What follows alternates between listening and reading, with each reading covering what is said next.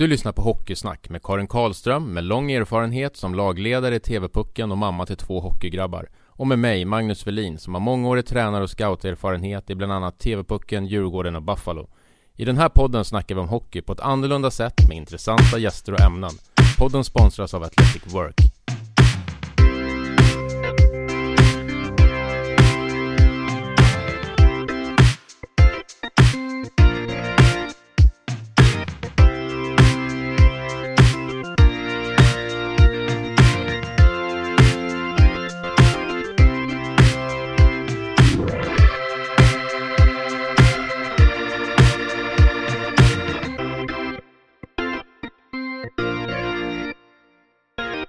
Idag ska vi prata med en sportchef och eh, det har varit många faktiskt som har hört av sig om att man är nyfiken på vad gör en sportchef och vad innebär det att ha en sån roll.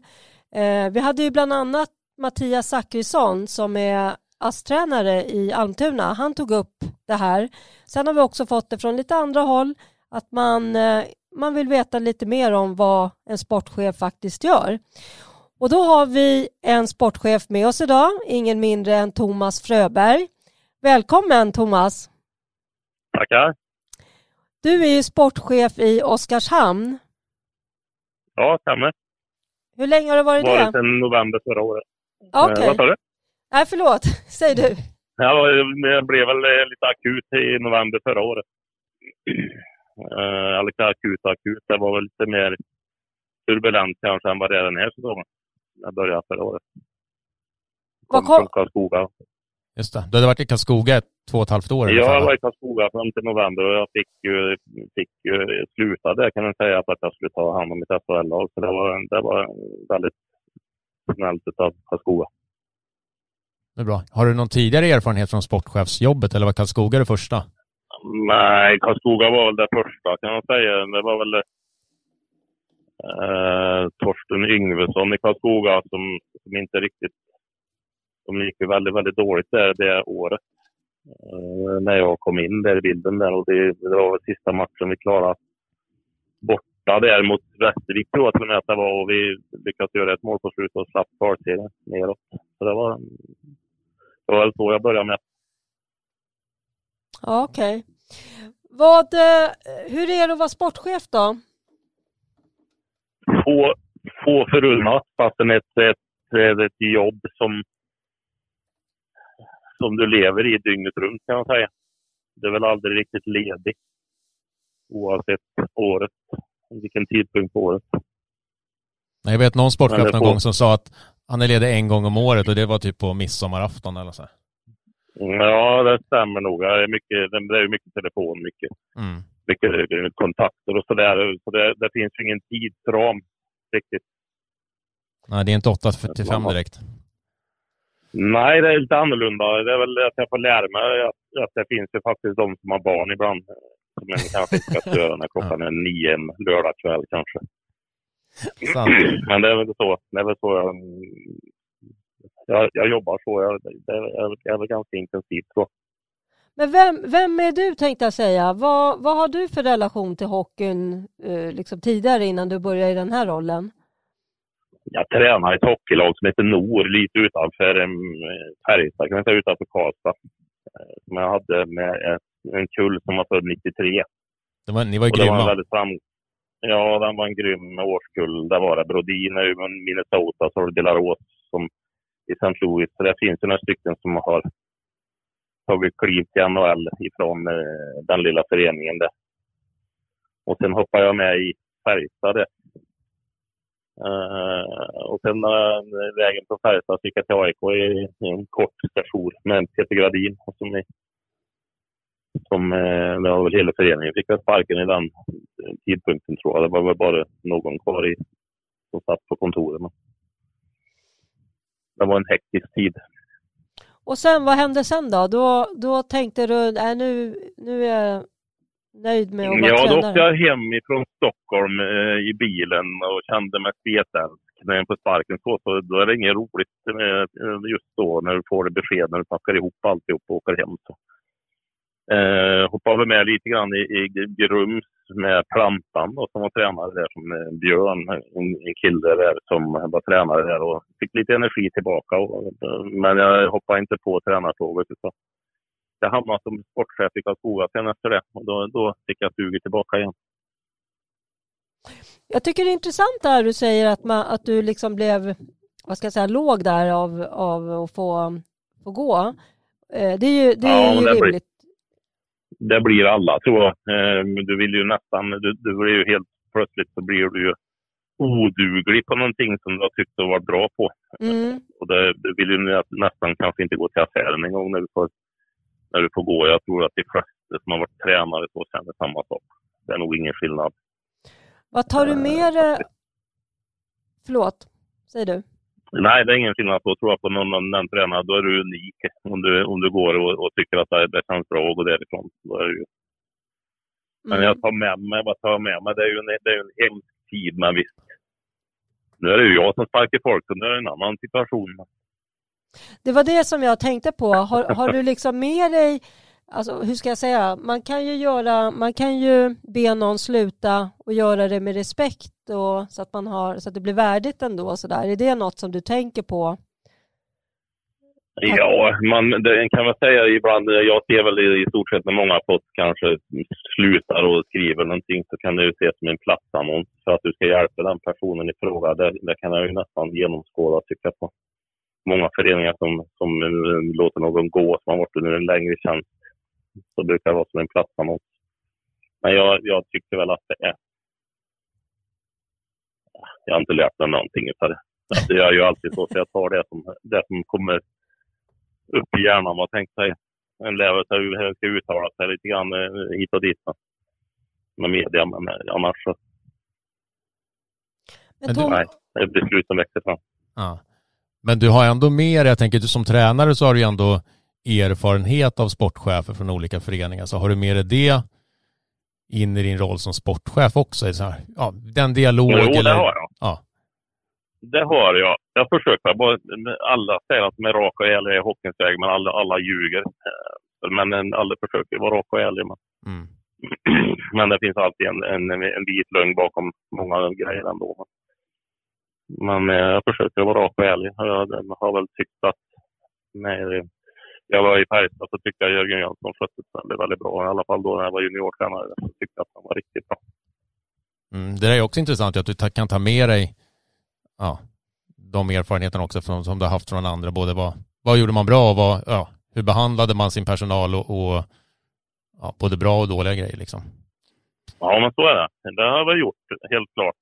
Sen är det väl givetvis eh, att man har haft en mentor. Som en, all, alla har ju någon person du vänder dig mot eller till när det händer någonting. Och jag hade väl det när jag var tränare också. Jag vände väl mycket till Harald Lyckner ibland och rådfrågade vad som, som var hit och dit. Så, eh, jag tyckte han var väldigt bra på att hjälpa mig på traven. Mm. Kan du göra det fortfarande? Typ alltså bolla saker med Harald eller med någon annan som är Nej, det gör jag inte. Nej. Inte så det gör jag inte. Sen är det ju många tränare som jag pratar med då, på mm. sätt nu i den här världen. Sen mycket agenter som jag tycker som jag har som jag tycker sköter sig väldigt bra. Mm. Uh, som jag försöker vara ärlig tillbaka mot och vara snabb med svar och alltid svara telefon. Mm. Och det, så vill jag bli bemött uh, i den här världen. Jag blir galen när jag inte får svara i telefon. Så det, jag tar väl med mig lite grejer, det gör jag. Det här med eh, att vara sportchef, det, det, känns ju som att det är otroligt stort jobb för det är så många delar i det. Jag tänker det är ledarskap, det är man ska kunna bygga lag och man ska förstå sig på olika personligheter. Eh, det finns en ekonomisk aspekt. Vad, hur ser du på det? Eh, sport, det är ju, det är, du kan ju göra det på två sätt. Jag vill ju resa runt mycket. Nu är jag svårt med coronatiden, men, men alltså jag reser mycket och kollar på mycket hockeymatcher, eh, ser jag. Eh, det finns ju kanske insats idag, jag som kan se alla matcher och följa varje byte, men det, riktigt så vill jag inte bli. Jag vill resa mycket och det, det krävs nästan i stort sett kanske två personer på en sån tjänst som en sportchef har, för det är lite administrativt och det är lägenheter och det är bilar. Och det och kolla på nästa års trupp och det är alltid något som är bekymmer någonstans. Så du, du är ju typ av en vaktmästare kanske åt spelarna kan jag säga. Men eh, samtidigt så vill jag ut och se hockey. Jag vill åka och kolla på... Nu när jag har hållit på ett tag så vill jag ju gärna se en, kanske någon AHL-spelare som kan vara aktuell för våra del istället för bara att jag ska ringa och fråga någonting hur han är i allting jag trivs att sitta bakom i ett lag och till exempel och se vad de gör i båset. Om eh, jag åker och tittar på Timrå eller jag tittar på Björklund så vill jag gärna se hur de agerar i bås när de byter. Hur de gestikulerar och vad de än gör i båset. Men känner man om man, är, om man är tränare hos dig, känner man så här, oh nu är Thomas där liksom och verkligen kollar av en hela tiden? Ja, eller har man nej. dig som ett stöd? Ja, stöd är jag det är jag. Jag, jag, jag, ham, jag, jag har väl känt att jag, att jag kanske hamnar i affekt, tänkte säga. Att jag, jag uttalar mig ganska snabbt. Som jag kanske ångrar efteråt, men hellre att jag uttalar mig än att jag är tyst. Men jag, jag försöker väl att hjälpa till, det gör jag. Eh, jag går ju ner i periodpaus om jag känner att, att de vill det. Eh, men det är ju, de sköter så himla bra, det är de tränarna jag har. Så jag, jag går mest ner och lyssnar av vad de tycker och tänker och så att, tänker jag på att ja, fan, det är precis så som jag vill ha Så behöver jag inte gå ner nästa period. Så jag har absolut hundraprocentigt förtroende för allihop som jobbar i, i klubben runt hockeyn. Mm. Bra. Det går ju såklart både upp och ner också. När vi spelar in det här avsnittet så är det ju den 15 mars. Just nu ligger ni 12 i serien och ni kan, kan bli allt från slutspel till negativt kval och sådär. Och ni har ju haft en säsong där där har haft en, en period som var fruktansvärt tung förstår jag, där det var jättemånga matcher i rad utan vinst. Och sen ja. bättre perioder och sådär. Hur är, skiljer sig liksom ditt agerande? Märker du av att du blir annorlunda på något sätt i din dialog och kommunikation med, med personal och spelare och under de här Nej, perioderna? inte personal. Men alltså, det, det, har varit hur bra som helst. Vi har väl, vi har väl vänt på lite spel om man säger så. Vi har väl tittat på vad som behöver vara lite, lite bättre kanske strukturera om lite, lite grann, då är jag väl med i processen. Det är jag. Men sen har du ju på... Eh, det är klart när jag förlorar så mycket, så det är alltid lättare ju högre upp. Jag, jag tycker om att kanske skriva med någon coming man eller från SHL som ser lite trångt. Skulle jag gärna vilja skriva kontrakt med i oktober, november ibland. Och det kan jag inte då eftersom vi ligger där vi gör i serien. Mm. När vi låg fyra i serien ett tag så är det alltid lättare. Då ser de en större nu är det ju oftast att de vill avvakta ibland kanske för att se att vi är klara för SHL. Ja, just det. Så det, det, det är väl det som styr lite grann i agentvärlden. Ja, det gör det såklart. Ja, men det gör det. Helt klart är det skillnad att säga att man kommer från Växjö eller att du ska, att ska värva till Oskarshamn i, när det är november, december. Så är det ju helt klart. Mm. Annars ljuger jag ju.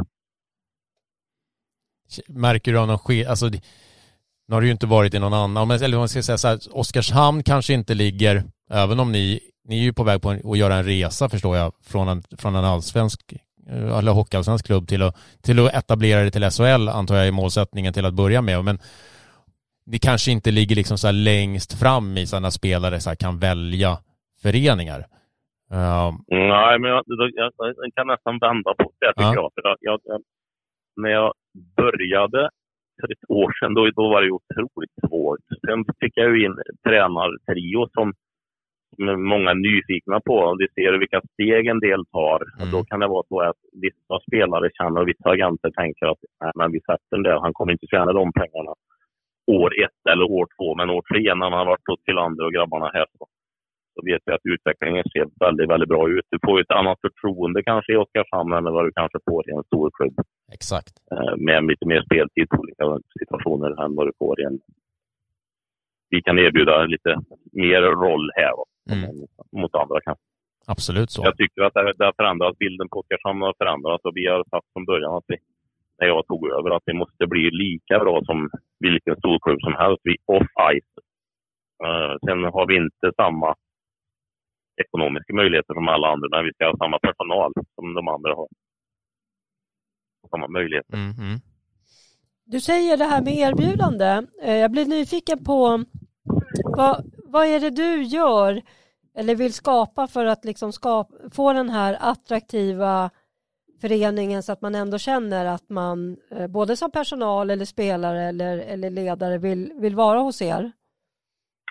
Jag tror det är engagemanget som, om vi oftast börjar med att jag ringer kanske för en kille och sen är det ju då Filander som ringer upp och det kan vara forwards, eh, tränaren som ringer upp och de får ett förtroende för oss när vi pratar med dem och ser vad de, vad de ska få för möjligheter hos oss till exempel. Och då, då är det klart att skiljer det då kanske 20 000 kronor mot en annan klubb eller 30 000 så kanske du väljer att vara ett år hos oss på grund av det. Att du får lite lägre men du vet vad du kan få ut i andra änden. Mm. Det är väl det vi försöker att få, att vi ska ha spelare som, som tar ett jättekliv hos oss, helt klart. Sen lär det väl efterhand det också kanske behöver skriva i tvåårskontrakt med en sån som Mats Verenå till exempel för att vi ska kunna vara med på honom på år två. Nu vet jag ju redan att han, vi har inte råd att behålla honom till exempel. Uh, hade jag skrivit två år med honom så hade han varit kvar hos oss nästa år. Mm. Så det är en chansa ibland. Så det har jag väl lärt mig att vi kanske ska signa upp en utlänning på två år istället för ett. Ja. Det där måste ju såklart vara jättesvårt när man är så här, man inte kanske är hundra hundra vad den här vad den utländska spelaren ska, alltså hur bra kommer det bli? Och då hade man mm. kanske ångrat ihjäl som det inte hade varit det här utslaget om man hade skrivit två år och så sitter man där med ett kontrakt med ett år kvar och så. Men jag förstår. Ja, men så är det. Men då, då tar jag bort det. Förlåt? Då tar jag bort det. Jag tänkte, nej. Ja, exakt. Nej, men det, det, är väl, det är väl klart att det är så att det kan vara någon som en går bom på. Men frågan är om det inte är billigare att gå bom på någon än att jag ska få vara med på ett, ett ja. kanonlag till slut på grund ja. av att jag kan behålla dem i två år. Ja, fattar. Så är det ju. Vi, vi, jag brukar säga att vi kanske är som ett juniorlag. Vi ut, utvecklar dem och utbildar dem och sen när de, eh, så går de de får högre betalt och så är de färdiga. Mm. Det är där jag tänker som det måste vara så svårt att i den här resan som vi pratar om att nej men, som du säger, att det, kan, det är nästan så att det blir som att man pratar om ett allsvensk lag där man tänker så här, men ja, det, det här laget är ett bra steg för den här spelaren för att ta nästa kliv sen och då, fast ni egentligen är då på samma nivå liksom. Är du med på vad jag menar? Mm, blir... Ja, men så är det ju. Det, det, det, förstår jag att det är. Vi har ju en, en, lägre budget än alla andra. Så är det ju. Och då måste vi hitta de här konerna som, som, som, som tar ett kliv hos oss helt enkelt. Ja. Att vi hittar Exakt. Och det tycker jag att vi har gjort. Vi ligger ju bra med i serien. Ja. Vi är väl ett av de få som är nöjda där vi ligger i serien. Mot om du tar alla de här fem, sex lagen i botten. Ja, det skulle jag tro. Det är det som vi, för jag tycker också att ni gör det väldigt bra och då blir det ju också, måste ju vara lite frustrerande när man, just att bygga lag på längre tid. Jag tänker spelaromsättningen också kanske för er blir större i och med att ni är så att det blir så här att ni gör ett jättebra jobb med spelare och så går de vidare och så ska ni hitta nya spelare för att bygga ett nytt lag liksom. Det är ett jäkla ja, pussel. Jag har försökt på två år. Jag har försökt på två år på många. Så ja. vi är ju med. Jag tycker vi är bra med till nästa år. Jag tycker det är spännande. Många skriver att vi är hur många som helst. Jag började fundera om jag hade så många som inte hade kontrakt nästa år. Men eh, för media säger det. Men jag, jag, när jag tittar på det så tycker jag att vi har en bra stomme att gå på. Mm. Eh, det tycker jag. Och jag tycker det är spännande och satsa igen och göra ett nytt lag och spekulera lite med lite siffror och hit och dit. Ja. Det är vad vi kan erbjuda i. Så det, nej, det känns riktigt bra. Ja, bra. Du säger att ni har, ni har inte de ekonomiska resurserna som, som de stora har om man säger så inom citationstecken. Men, men ni vill ändå ha, ni ska ju ändå såklart ha den här personaltätheten och, och kvaliteten som du, som du också är inne på. Hur, hur, går det, hur, hur går det ihop då? Är det så att man menar att ekonomin, man får dra, göra avkall på spelarlöner för att de andra resurserna ska finnas? Eller hur, hur jobbar ni där? Ja, nej, det är spelarlöner. Jag, jag, kan, jag vet ju redan nu att jag inte kan gå in på en del. Ja. Det är ju ingen idé. Många, jag, jag fick säga när vi kom när jag kom till Oskarshamn så står det i tidningen konstant när jag kommer spetsen, när jag kommer spets. Ja. Vi har inte råd med spets. Nej, fattar inte folk det? Det är du som är spets. Ja, exakt. Spetsen sitter här. Lite skillnad. Mm. Så helt plötsligt är våran spets eh, Olofsson till exempel. Till Olofsson ja, är våran spets idag. Mm. Uh, och det, det, är ju, det är ju positivt, jättepositivt. Det är så vi får jobba. Det är kul när man tar sådana kliv. Jag tycker Cooper också har tagit ett jättekliv till exempel. Och mm. de har vi nästa år båda två. Uh, det kanske jag inte hade kunnat varit med om de hade varit med bara ett år till exempel. Nej, just det. Men Thomas, när du beskriver det här, eh, det låter ju så här, det är ganska enkelt kanske att vara sportchef får man en känsla av, men så tänker man när man då ändå jobbar med, med människor så är det ju inte så att allting alltid blir som man har tänkt sig. Hur, hur, jobb, hur jobbar du med tränarna och sådär? Jag tänker när de då har eh, liksom resultaten har man inte med sig och ja, du vet allt det här som händer när man liksom självförtroende börjar svikta, gruppen börjar bli, eh, det blir lite spretigt kanske. Va, hur agerar du då? Jag sa att vi, vi samlade spelarna eh, i, när det gick som tyngst.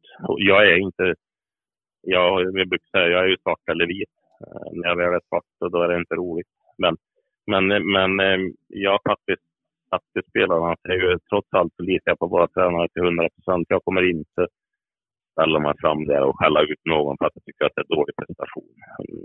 Absolut inte. Så länge jag har ett sånt förtroende för hela tränartrojkan så, så behöver jag inte lägga någon större vikt i det, utan vi visste i stort sett att när det tränarna fortfarande brinner för att ha sån energi som de har, då har jag inga problem med att spelarna köper, köper allt och då, då, då känns det bra.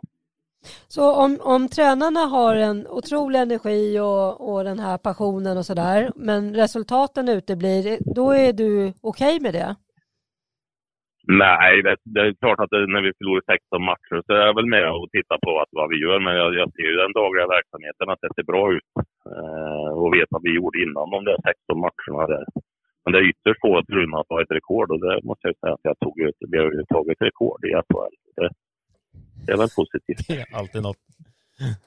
Ja. Mm. Nej, så jag, vi har haft förtroende för varandra. Eh, tränarna tycker nog att jag, eh, det finns ju inget värre än en sportchef lägger sig i för mycket. Eh, I alla fall tycker jag det när jag var tränare själv. När du ska störas dagligen i verksamheten eller att du ska ställa och prata med en spelare konstant. Det är ju de som har den dagliga verksamheten med spelarna.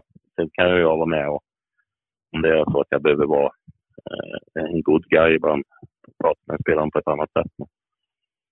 Men eh, nej, det funkar otroligt bra måste jag säga.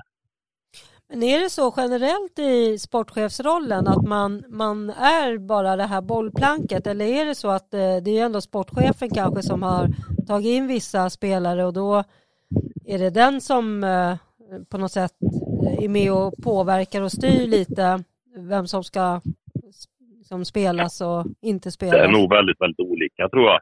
Eh, vad vi har. Jag är ju inte sån person utan jag åkte ner och träffade Filander nere i i Malmö väldigt tidigt skede. Och jag kände till Andersen förr. Och vi diskuterade fram hur vi ville ha Och han, eh, får jag in en spelare till mig så, så lägger jag ut det på i vår lilla grupp och då går alla tränare igenom den killen och vi kollar med eh, någon som känner någon. Eh, Tjärnqvist har spelat lite i NHL. Det är alltid någon som känner någon. Det är alltid någon hockeyspelare jag känner som känner någon. Så då helt plötsligt så samlas vi återigen på något och så skriver jag den där kan vi gå på. Så vi är ju väldigt överens om en spelare. Sen kan det vara någon, om det skulle vara så att min magkänsla är att jag vill ha den, då tar jag den. Men det är ytterst, ytterst sällan jag går att jag skulle ta in en spelare utan mina tränare godkänt det. Ja, ni har den. Ni sitter som, det är ni som bildar en grupp kan man säga hos er, eller? Att, som någon form ja, eller det kan man säga. Med, tillsammans med någon scout kanske, eller så? Nej, eller... inget så. Utan det blir Nej. oftast att vi tar reda på i stort sett att eh, någon av oss känner någon. Sen finns det vissa mm. agenter som ringer och säger att de vill testa en spelare hos oss. Och då får vi ju titta på det givetvis. Och då säger jag oftast ja eller nej ganska omgående. För jag kan få ett nej på om jag skickar en spelare så kan efter två minuter skriva nej till exempel. Och då vet jag, då är det ingen idé att gå vidare. Okay. Så det är väl så vi har jobbat. Mm. Har du, om vi backar till, jag skulle vilja backa tillbaka till när du, när du tog jobbet i Oskarshamn och flyttade från Karlskoga. Vad såg du i den, för det här var ju mitt under säsong och sådär, vad såg du i den utmaningen och varför tog du det jobbet? Ja, det kan du fråga. Jag, det var så att jag var på min, jag har ju en firma i Karlstad, en Elda-butik här. Och satt där inne på en kontorsstol och så ringde, ringde Martin Åkerberg och så sa han, är du intresserad av att ta över Oskarshamn? Och då tänkte jag, ah, ja eller nej, tänkte jag, ja men det är jag. Då skulle vi testa på Arlanda. Så ringde jag min son och så sa jag att jag skulle, han spelar hockey i HV71. Men annars så sa han att han skulle verkligen ta Oskarshamn. Och då tänkte jag, varför ska jag göra det? Som jag hade tänkt att vi skulle inte vinna en hockeymatch i SHL, tänkte jag innan det. Så då, då åkte jag till Arlanda och när vi satt där med ordförande Franzén och klubbchefen Åkerberg så, så hade jag nästan i stort sett efter en kvart tänkt att det här vill jag ta direkt. Jag ska inte säga att jag fick ett, ett blankt papper, ska jag inte säga att jag har fått, men jag har fått att jag ska bygga upp en verksamhet runt SHL. Mm. Och få vara med på den resan, det tycker jag lät otroligt spännande. Uh, och det måste jag säga att det har varit otroligt spännande. Sen är första, mitt första jämförelsesäsong, många som säger att det går inte att jämföra och vara i, i den klubben än i Oskarshamn. Jag kan säga att det, det går inte att jämföra att vara i Oskarshamn den här säsongen och förra säsongen. Det är två olika föreningar. Mm. Kul att se att det redan det liksom tar steg redan ja, från ett år till ett annat. Och... Ja, det är hela organisationen har tagit steg. Även ja. från, från de som jobbar på marknaden, det är från alltihop till att växa så fort ifrån eh, lilla allsvenskan till eh, en trippel omsättning på i stort sett på ett par dygn. Mm. Så är det klart att det påverkar en, en förening. Så är det. Ja. Det gör det såklart. Är det någon skillnad då, ja. tycker du rent sport, alltså att vara sportchef i, för ett SHL-lag kontra ett, ett hockeyallsvenskt lag, är det någon skillnad egentligen? Nej, det är, det är olika lönekuvert. Ja. Det är det det handlar om. Det är samma, det är samma jobb egentligen. Mm. Eh, du ska hitta division till eh, allsvenskan och du ska hitta, hitta guldkorn till SHL också. Jag skulle väl jobba samma egentligen kanske. Jag skulle väl kanske gå mer på dyrare, någon dyr hockeyspelare givetvis som hade mer ekonomi. Men samtidigt är det, det är plånboken det hänger på. Det är mm. samma jobb. Ja, det är lika komplext och lika mycket tid. Liksom. Ja. ja, det är det. Det är mycket tid i allsvenskan också. Mm. Men det här med pengar, du, du återkommer till det lite grann sådär, eh, det här med eh, ekonomiska muskler. Men jag menar, jag tänker på Djurgården, jag menar de har ju ganska dyra spelare som de inte har kunnat få så mycket utväxling på kanske. Alltså ibland blir det ju ändå inte fast man har ekonomin. Nej, så är det ju. Det är ju den eh, som är, det är ju där som eh, det jobbiga kan bli då, givetvis när du inte får effekt av det. Jag blir ju när du har en när den har den budgeten den har nu kontra de som ligger eh, på det högsta där så kan jag nästan tänka på varför tar du inte SM-guld? Men så lätt är det ju inte. Det är inte bara att pengar, det, det, det måste funka alltihop runt omkring med att spelarna ska träffa rätt på de som du har och det, det ska vara skadefritt. Och det, det, det är väldigt mycket som spelar in helt klart. Mm. Men visst skulle det vara kul att bygga ett, ett hockeylag med, med, med lite extra pengar. Så är det helt klart. Ja. Du får hur mycket du vill. Då, då vill alla ha det. Ja, då skulle, jag, då skulle jag, det jag brukar säga, då kan du, det blir lite annorlunda när du har en när du kan föreslå på en kille en, en summa när agenten kanske säger till dig och så, så säger, säger du en summa så säger de bara att det är lite, lite till och så ja, då vill jag att han signar imorgon ungefär. Ja.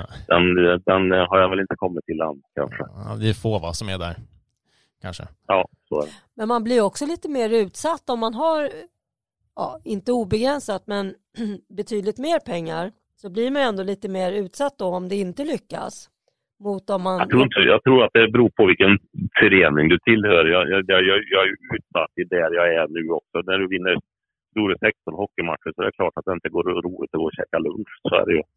Mm. Uh, det är väl roligare att käka lunch hemma. Uh, men jag gömmer mig inte på det. Men jag tror ju att uh, klubbar som, som har varit i SHL och otroligt många år, som har en kravbild som är mycket högre klart att det, det känns, eller där du ligger längre ner, men samtidigt är det ju grymt kul att få vara med på, en, eh, på sådana resor också, givetvis. Mm. Vad skulle du säga är er största utmaning i Oskarshamn? Som du kan, liksom, kan vara med och påverka? Och... Ja, ja, det är ju att vi ska vara så pass slagkraftiga så vi klarar av att vara kvar i SHL. Vi vill ju komma högre och högre. Jag brukar säga att vi ska vara en poäng ifrån play-in, det sa jag från början när vi satte ihop laget. Så det är väl där min målsättning är. Men efter år två, tre, när det ska byggas en ny arena i Oskarshamn, så, mm. så vore det fantastiskt att få ta ett lag till ett slutspel. Ja. Hur lång målsättning har ni? Jag förstår att ni har någon för varje säsong sådär, men har du, har du någon så här, finns det någon femårsplan? Ja, tre år har föreningen.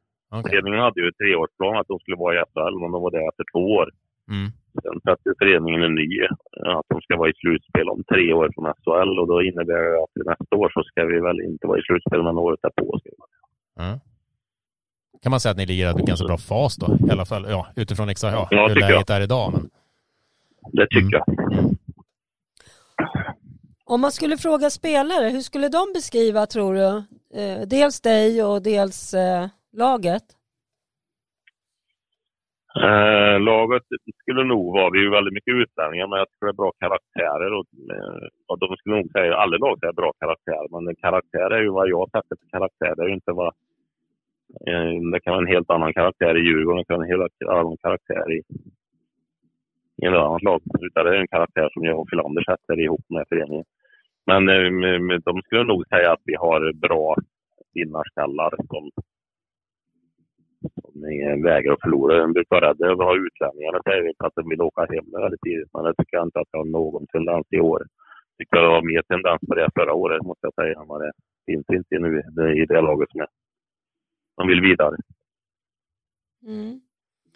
Men mycket utlänningar, blir det, hur jobbar du då, då liksom med det här med, eh, alltså vad är det för, hur jobbar du med kulturbygge och sånt då? då? Jag tycker inte vi har haft några problem med det. De- är ju mer, vad ska säga, när- de är ju mer hierarki eh, ifrån när de kommer från Kanada. De vet exakt vart de har spelat och tillhört. Så då, då, det blir en, trots- en, en liten hierarki på ett annat sätt kanske än vad det skulle vara. Mer, svensk, mer svenskar är ju mer... Eh, mer när svenskarna är ju mer avundsjuka på varandra i stort sett tycker jag en kanadik eller en annan utlänning är mer ser inte snett på varandra om det är... De är svenskar kanske vill att alla ska vara lika bra och spela lika mycket. Men en, en utlänning kanske tar att man spelar två minuter utan att säga någonting. Så rangordningen är bättre hos utlänningar, hur man ser på det, eller hur? Ja, det tycker jag. Det Mm. måste jag säga. att Den, är, den är helt klar att de vet exakt vart de har tillhört. Eh, Då kan rangordningen bli högre. Så är det. Vi märker det bara på en ibland när vi ska gå till gymmet. Vi gymmar ju. Vi har väldigt bra fys och så. Och det, Lance Bowman inte var bra på en träning till exempel. Då kanske någon som... När Lance Bowman är på plats och går till gymmet, då går alla till gymmet kan jag säga. mm. Det där tror jag, inte något.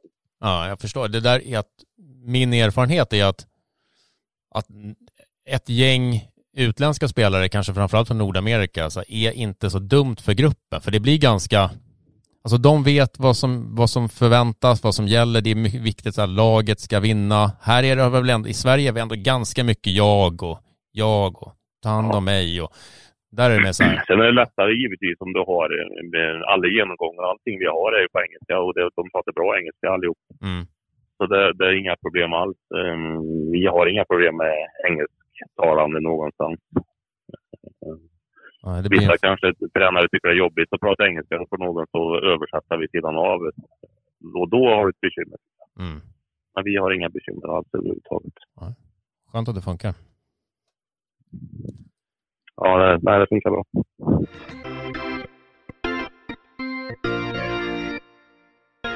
Vi är sponsrade av Athletic Work. Athletic Work är ett bemanning och rekryteringsföretag som hjälper personer med någon form av idrottsbakgrund på alla nivåer. Från idrotten får man med sig goda egenskaper som är viktiga på arbetsmarknaden. Viljan att vara bäst och prestera sitt yttersta på tävlingsplanen, som på arbetet, är det mål som Athletic Work och deras konsulter strävar efter. Athletic Works vision är att skapa ett idrottslag på arbetsmarknaden. Det har idag hjälpt flera personer ut på arbetsmarknaden och av egna erfarenheter vet jag att kontakt med Athletic Work faktiskt leder till jobb. Så om du letar efter ett nytt jobb, tveka inte att höra av dig på www.athleticwork.se. Tack Athletic Work!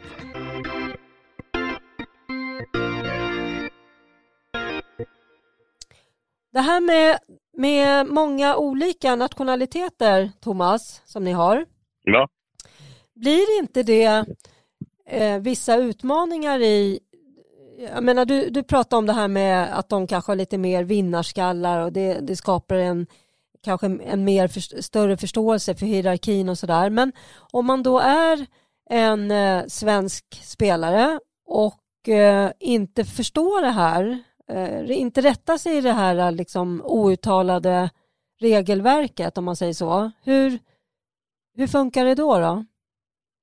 Det är ju, vi, vi, har ju, vi har ju mycket utlänningar på grund av det, det. Allting handlar ju om ekonomi. Det är billigare att ha utlänningar. Eh, jag skulle givetvis egentligen kanske vilja ha två, tre utlänningar kanske om det hade en dubbel ekonomi kanske. För att det är ju smidigt givetvis med svenskar när det gäller alltihop runt omkring med boende, bil, eh, allt du tänker på så är det billigare. Men det är ganska dyrt att bara ha svenskar i, i truppen. Eh, så, så det är väl det som gör lite grann att det blir mycket utlänningar. Många lag som ska etablera sig i SHL, Örebro hade samma sak, Växjö hade samma sak. Så det är väl det som, eh, som kanske gör att den har lite mer utlänningar så sett. Det tror jag. Sen är det ju så att du fyller inte, nästan inte på med en svensk innan 15 februari. Då röstas utländskt du fyller på med. Så det, då finns det inte så mycket svenskar kvar att ta. Så det är väl det som gör att vi har mycket utlänningar. Sen att de, de, är, de är här de är bättre karaktär och vinnarkultur. Så det, det, det, det har svensken också, men det är pengar som styr kan man säga. Mm. Men Sen vet jag inte ibland, ibland om den kan jag bryr mig inte om den kan eller om den Eh, norsk eller vad det är, bara en duktig hockeyspelare och passar in i vår miljö. Jag tänker ju per automatik när, när vi pratar om sådana här att, att bygga trupper och man behöver ju folk som kan täcka upp när, när, när spelare är skadade och så. Då har ju er juniorverksamhet, alltså om jag säger så här, ni fick ju bygga typ ett nytt J20-lag när ni fick plats då i, i J20 nationell och ta spelare från, mm. från olika delar av landet och kanske inte de spelarna som idag i alla fall ligger allra längst fram och att det då blir svårt för er att, att plocka upp spelare underifrån när det behövs folk liksom. Uh, steget är ju stort var vilken klubb man än är i. Så är steget från J20 till, till SHL är ju gigantiskt och det är ju få som kan ta ja, det. är Större än man tror. Ja. Vi försöker väl och ska väl försöka värva in eh, så att vi har kanske en junior på och då vet vi att det, då får vi värva in en junior. Vi, vi har svårt att få fram junioren än idag då, för att han ska ta den platsen mm. i, och ta en tröja. Det är helt klart att vi har så. Men vi, och vi har ju J18 regional på det och det är negativt. Men vi har J20 superelit har vi. Mm. Men, men eh, vi jobbar på det och, och eh, vi, har, vi tycker att vi har bra del på juniorer. Vi, vi följer upp dem bra och Tillander är väldigt engagerad i, även på juniorsidan. Så det, ja, det vi där... har alltihop. Ja, intressant. Jag tänkte det, hur ni, hur ni liksom bygger ihop junior och seniorverksamhet. Om då Filander är en, en del av den här juniorverksamheten, om man ska säga så, då är ju det ett sätt att bygga ihop det här då. Ja, så är det. Oftast kanske en, en en A-lagstränare kanske inte känner tiden till det. Så det, det är ju så som jag har sagt till juniorerna, den dagen du kliver in genom den dörren där, då gäller att du presterar. Mm. kanske du inte ska komma med kudden i, i nacken när du kommer dit, utan du måste vara förberedd fall det ringer till exempel att du ska in ganska, för att det är någon skada här och där, så det gäller att visa avtryck. Mm. Eh, men eh, vi ska försöka och det som man säger, om vi ska ha en det kanske får gå ut och ta in. Vi har provat med en eh, check nu till campus som har varit med lite grann. Så vi vet att vi kommer kanske inte få vad ska jag säga, toppspelaren till oss. Alltså, jag skulle helst vilja ha en, någon som blir draftad i stort sett, att vi tjänar pengar tillbaka på juniorverksamheten. Mm. Och kanske vi måste ta utländskt även på den sidan. Ja, just det. Uh, men uh, vi kommer, kommer dit. Ja, Nej, men det där görs ju inte över en natt såklart. Det, det tar ju tid. Nej, och jag har sagt det. Vi, vi lägger en eh, möte för nu och vi ska ha en budget på... Vi ska vara på allt som finns. Vi ska vara på Skandinavium Cup, vi ska vara på Telepucken, vi ska vara på Russinläger, vi ska vara... Jag ska stå Oskarshamn på varenda... Varenda liten detalj ska jag stå mm. Ja, men det är, det är ju viktigt att synas. Det blir ju en snackis ja, det, ju. Det, det blir det absolut. Det här kan man ju bara gå till för så här, Växjö för x antal år sedan var väl kanske mer också så här, det var ingen etablerad junior Liksom var inte så att folk Nej. bara sökte sig till Växjö, men sen så när de skulle ta kliv så de syntes ju överallt. Uh, ja, det är så. Uh. Det gjordes lite så på med, med, med, även när jag jobbade i Karlskoga, men det, det gäller att leva upp till det också. Ja, så det, är det. det är inte bara att säga att jag är ett, utan måste leva upp till det. Verkligen så. Så det är väl det som ja. vi jobbar efter. Det där hänger ihop också med attraktionskraften, det här med juniorsidan tänker jag, liksom att eh, man visar också att man, eh, är man junior i den här föreningen så har man chans att komma upp i A-laget. Det är ju måste vara extremt viktigt, signalvärdet där. Ja, men det är det. Men det är ju inte många idag. Jag, jag, jag tror jag gjorde en undersökning på det där, hur många det är som i SHL idag som kommer ifrån som, som, som kommer ifrån elitklubben, utan de kommer ofta är 16 år. Och det där tycker jag väl kanske att svensk hockey skulle behöva titta över, tycker jag då, i min värld. Att elitklubbarna kanske inte vågar att göra någonting förrän de fyller 15-16 år. Det är Inte så att de ska proppa eller göra något sånt, inte det. Men, men kanske ska spela på den nivån du är hemma. Eh, oftast om du tittar på, går igenom idag så kanske Eh, men bara enstaka fall. Jag vet eh, Frölunda har inte många som är från Frölunda om du tittar på det till exempel. Jag vet att det är Sundström och så är det väl Lukas Reimond som är därifrån från början. Sen är det inte många mer Nej. utifrån. Så det, är, det är väl så det är överallt i stort sett när man tittar på det. Där tycker jag väl att vi har tappat i svensk ishockey. Men är det inte lite så generellt så här med Eh, nu tittar jag på Magnus här, alltså det här med att man har väldigt bråttom liksom. Är, är man 18 då ska man vara liksom J20, alltså man ska hela tiden vara med ja, Man ska helst som U16-spelare nu säger jag inte att jag tycker att man helst ska det, men spelarna och föräldrar tänker ofta att som U16-åring då ska jag spela J18 och då, mm, när det är U16-året är slut, då har jag ju faktiskt redan gjort en J18-säsong och då borde jag ju nästan vara snudda på J20 redan. Och då ska man ju mm. egentligen på sitt, och sen så är det ju där i rull liksom. Ja, och så blir man lovad massa blir, saker. Ja. Vi har väl försökt nu, men det är svårt nu när coronan har varit. Men att vi, vi, vi har haft en liten möte i Oskarshamn angående det där med, med eh, att vi har svårt ibland att vi kanske lyfter upp en kille, även om han ska vara två år yngre, fast han, han är dominant i två år äldre, så ska mm. han ju få träna det någon gång. Men han ska tillhöra sin egen grupp och gå tillbaka. Mm att man måste upp och träna. Och det, så ska vi väl försöka att göra det. Men det är ofta att du får att ja, men då kanske de slutar där. Men de slutar inte. Det är en myt det att det är någon som slutar. Så. Eh, vad du än har för idrott utöver det så, så kan de dela in dig och säga att du är lite för dålig. Du får vänta lite tills du är lite äldre typ. Mm. Just hockeyn är extrem med och att vi ska dela in dem i, i grupper mm. och är rädda att göra någonting. Jag tycker ibland Men, att det, det, det som är just det här att man, man är upplyft eller så blir, ska man gå tillbaka eller gå emellan sådär. Eh, om det inte föregås av kommunikation då blir det ju väldigt mycket utrymme sådär för missförstånd och oro i leden. Ja, så är det. Det, det kommer alltid vara, men det är ju alltid någon, någon som måste ta ett obekvämt beslut på vägen. Men, och det, det, jag försöka göra i Oskarshamn. Sen är det skillnad kanske att ha 25 barn i en åldersgrupp än att ha 60-70 barn i en åldersgrupp. Så det är klart att det är svårare. Men jag tänker även med men... vuxna, så är det här någonting du pratar med dina, din tränartrio om, vikten av att kommunicera med spelare? För jag tänker att det inte är så stor skillnad om man är vuxen eller om man är tonåring. Just det här att man får en bra förklaring eller får tydliga eh, det här är det vi tänker oss och det här gäller eller Pratar ni om sånt? Ja, men jag tycker, jag tycker att, ja det gör vi dagligen. Så sätt. Jag, jag fick en, jag stod och tittade på en träning där och min målvaktstränare frågade mig vad, tittar du på egentligen när du tittar på en träning?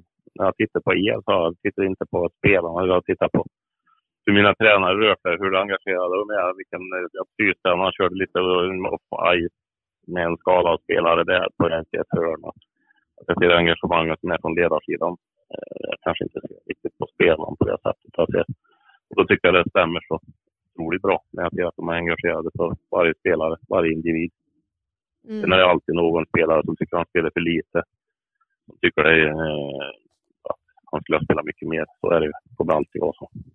Men om, om du ser då att det är brist på engagemang hos, hos någon ledare, eh, vad gör du då? då? Tar, fångar upp den ledaren då? Ja, eller? men det gör jag. Mm. Ja, det gör jag. Det har varit flera gånger så ska jag ju... Då blir jag svart. Mm. Svart?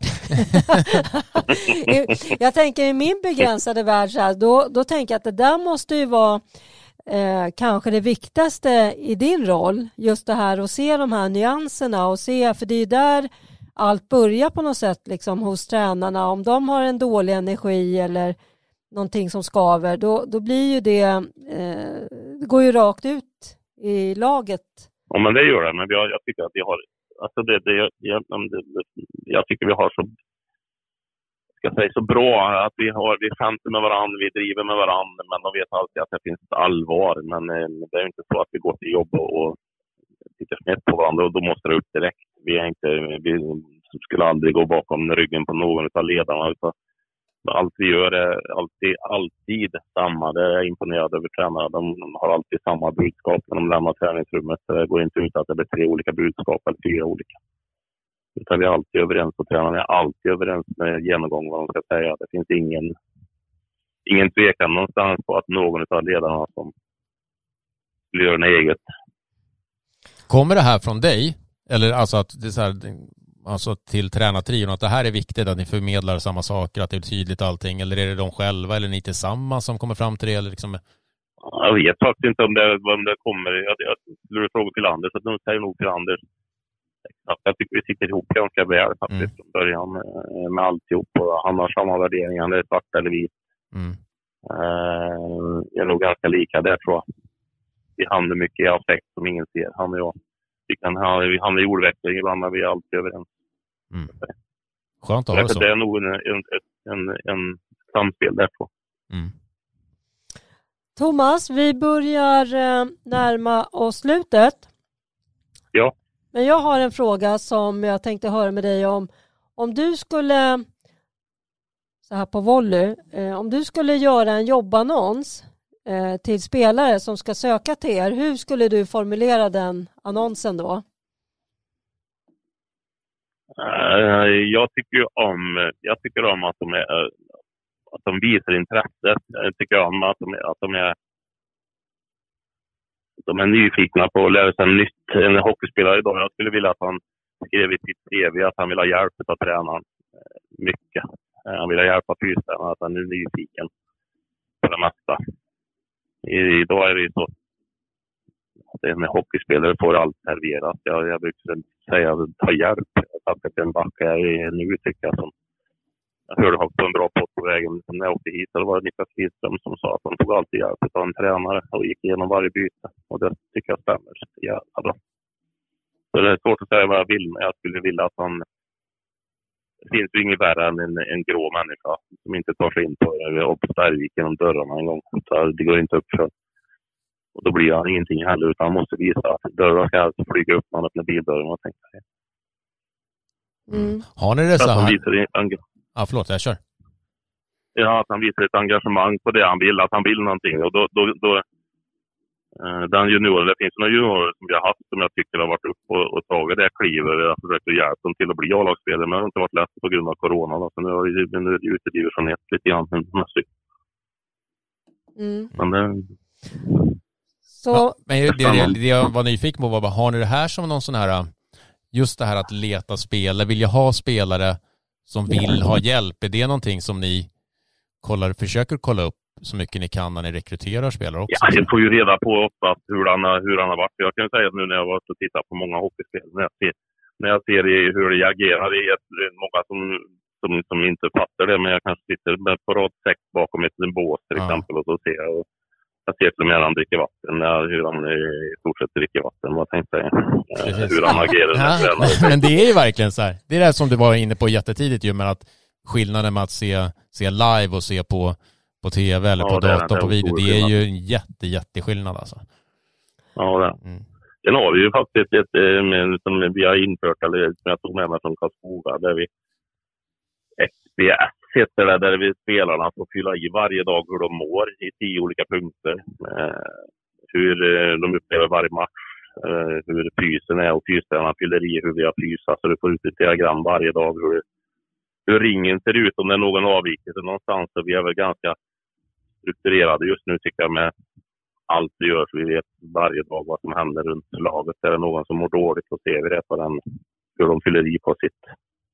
Mm. Så varje morgon när jag vaknar så lyfter jag telefonen och så tittar jag i och ser att det är en fin grön ring som kanske motsvarar 87 procent. då måste jag undra varför man sitter 13 procent eller så kan jag titta på vilken spelare som, som avviker, som kanske har ont någonstans. Och då skriver han det i den lite på telefonen. Thomas, får jag säga, det här, jag menar inte att förminska det där, men eh, jag ska berätta en sak. Jag har ju personal och så har jag Ja. en, eh, en seniorkonsult som eh, fick toppbetyg på det, hos den kunden som han är hos. Och jag blev ju Ja. mäkta stolt för jag, ja, jag tyckte ju liksom det där skvimpade ju över lite på mig också så jag, jag tog också sol, eh, solen med lite i den där glansen. Så sa jag det till vår eh, koncernchef, jag visar de här resultaten för det här var fantastiska resultat. Och då kontrar han med att säga så här, jaha, det där kanske är någon som inte orkar eh, eh, göra den där enkäten så man bara kryssar i lite snabbt för att få det överstökat. Så han liksom tog Mm. udden av, eh, nu visste vi att det inte det är, det, var... men jag kan säga, om jag, om jag har en spelare som, som konstant fyller i att han alltid är bra, till exempel. Han betygsätter Ja. bra. Eh, han är alltid grön. Mm, Eh, alltså runt 93 procent, 94 procent. Han sover bra. Jag vet att han sover åtta timmar. Då, då är det dags att prata med den personen i fråga om det inte är så att han måste prestera. För då, då har han ju fel, då har han ju fel bild på sig. mm, och den är vi ganska snabb med att ta i så fall. Eh, det är inte så att vi ger en klapp på bara för att han berömmer sig själv. Utan då måste vi ju kanske eh, prata med honom ordentligt. Så att Ja. han förstår vad han... Så det, jag tycker att det är bra hjälpmedel på, på alla sätt egentligen. Eh, Du kan även eh, någonstans i när vi sätter oss i bussen efter matchen kan vi gå in direkt och se vilken spelare, hur de har betygsatt sig själv. Och då kan vi ta ner den spelaren i bussen och prata med den om det skulle vara så. Ja, det har det med som ett underlag då för liksom vidare resonemang. Ja, det är det. Och fystränare har ju gjort en fys eh, hur vi kan alltså skicka hem en kanadick idag eh, till Kanada och då finns det ett färdigt koncept att följa på det i fysdelen. Så det, nej, det funkar otroligt bra. Mm. Men du- förstod min poäng där, för, för Ja, det, det jag. eh, det är lätt att man bara får överstökat sådär. Men, ja, men det är ju bra när man använder det så som ett underlag. Eh, Ja, jag tycker det här det byggs givetvis på prestation och så byggs det ju på jag kan ju se om jag går tillbaka, om jag tog eh, Berglund som var i Karlskoga, han fyllde i att han sov dåligt och då förstod vi att han, det kanske bättre att han vilar lite. För han hade ju ett litet barn som låg och gråt varje natt till exempel. Mm. mm. Och då visste jag att han sov dåligt. Och då kan du prata med att det kanske är bättre att du kommer på eftermiddagen och kör ett träningspass till exempel. Det går ju att styra på ett sätt. Mm. Intressant hjälpmedel ändå ju, såklart. Ja, men det är det. Mm. Eh, Det går bara att utveckla. Och eh, om du skulle få önska en, eh, någon som du vill lyssna på i den här podden eller något ämne som du vill att vi tar upp, vad skulle det kunna vara då? Eh, Ja, vem skulle det kunna vara? Eh, Jag, jag gillar, jag är ju hockeynörd. Jag, jag lyssnar på allting med hockey. Det gör jag. Eh, Helt klart. Eh, Det skulle väl kunna vara en, en hockeynörd som är lika som mig. Vad tänkte du? en, en allmän hockeynörd eller någon som har nördat ner sig i något speciellt eller? Ja, eller då Nej, men jag är... Ja, vad jag är intresserad av. Min fru säger att jag inte är intresserad av någonting mer än ishockey och mobiltelefon. men- så, det, så det är... Jag vet, vet, att- jag vet, jag vet, inte riktigt. Det är det som skulle vara, kunna vara intressant tycker jag. Jag har ju en, jag har en, en firma i Karlstad till exempel. Eh, Så där Marius Holtes jobbar. eh, Mm. Som har fått en hjärnskakning eh, och lever, lever idag efter sju år med en hjärnskakning. Hur han, hur han har haft sin hockeykarriär och hur han, hur han eh, tacklar sin, sin vard- vardag. Det är från allt ifrån att han försökte skaffa, skaffa sig lite fastigheter och det funkar inte på grund av huvudet. Och hit och dit. Hur han lever idag och tränar ett ungdomslag i Färjestad. Så det är faktiskt ganska intressant när jag mig och pratar med han. eh, Få lite annat perspektiv. Alltså, jag håller på med Oskarsund nu till exempel och försöker hjälpa han också eh, med att komma tillbaka till, till livet. Om vi säger. Ja, det där är grymt ju. Jättebra. Ja. Intressant. Det är väl det jag skulle kunna säga. Han är, skulle vara en jätte, han är duktig att prata också. Så han, eh, han är intressant. Kul, för det annars är det ju lätt att man pratar om en del tipsar ju om att man ska, att vi ska prata med, med, eh, med läkare kanske om hjärnskakningar och sådär och det lär väl högst troligt komma här framöver i podden men just det här också att prata med, med, med en spelare som faktiskt har drabbats av det och som Fortfarande han liksom upplever lider. att, att de blir som ett, till slut, många av hockeyspelare idag blir som ett offer. Ja. Tycker han. En polare som lever med sjukdomen som han säger. Eh, och det gör han ju. Han blir ju någon dag blir han ju blind på ena ögat till exempel och får gå hem. Eh, så han lever ju inte efter sju år hur, hur han, hur han tacklar vardagen. Oj. Mm. Ja, skitintressant tycker jag. Bra. Tack Thomas. Mm. Eh, tack för tipset. Tack för den här ungefärliga timmen. Uh, och få en liten ja. inblick i, ditt jobb och både som sportchef över, överlag hur det är och även såklart hur ni jobbar i Oskarshamn och hur ni tänker kring era utmaningar och, och byggen och sådär. Ja, nu sitter jag väl här i, idag och fick ju två avstängningar från gårdagen. Så det var ja, jag läste det. Jag jobbar lite grann på att jag tycker den ena avstängningen var helt okej okay, och jag tycker väl inte att Baumans avstängning var helt okej okay med att han han sa saker och ting som, är, som kanske upplevs som är annorlunda på ett kanadensiskt språk och ett svenskt språk. Ja, det där tänkte jag faktiskt på. Nu var vi ju nära avrunden här. det här ja. Men just det där var ju, jag tänkte på det idag när jag läste om vad han hade sagt och vad han är avstängd för. Uh, just när vi pratar om det här olika, när man kommer från andra länder och man har olika kulturer. För honom var det där säkert inte någonting överhuvudtaget. Och här blev det världens grej. Nej, det är det inte. Och jag, jag har faktiskt överklagat idag till Eh, nu glömmer jag vad det heter. Riksidrottsförbundet, vad det heter. Jag har gjort en överklagan, men det kommer ju ingen vägen med den. O'Briens tackling köper jag till fullo, att man åker ut på ska ha avstängning. Mm. Det gör mig ingenting. Nej. Nej, jag, men jag tycker att den andra som händer i stridens hetta, ett svordom för han när, när, när, när säger det på, på ett sätt när han säger fuck så det kanske inte riktigt är det är ganska många svordomar som kommer ifrån en kanadensisk mun som säger på olika sätt. mm. de, de upplever inte att det är ett, ett, ett, ord som vi upplever kanske på det sättet. Nej, det är det de inte gör. Nej, Exakt. så det är väl det som jag har tyckt har varit lite jobbigt idag. Med. men det är en lärdom för han också, men, men det, så är det. Men jag, jag tycker inte om det. Nej, ja, så är det. Men du i alla fall tillbaks till tacket. Så, så stort ja. tack och så var ni i, uh, jobba för tre poäng mot Frölunda imorgon och sen såklart stort lycka till resten av säsongen. Ja, tack ska du ha. Kanon. Tack också till er som har ja. lyssnat. I nästa avsnitt som släpps den 15 april träffar vi Boston Bruins svenska scout Viktor Nyblad. Med honom pratar vi om hur man blir scout. Kan scoutjobb skilja sig åt?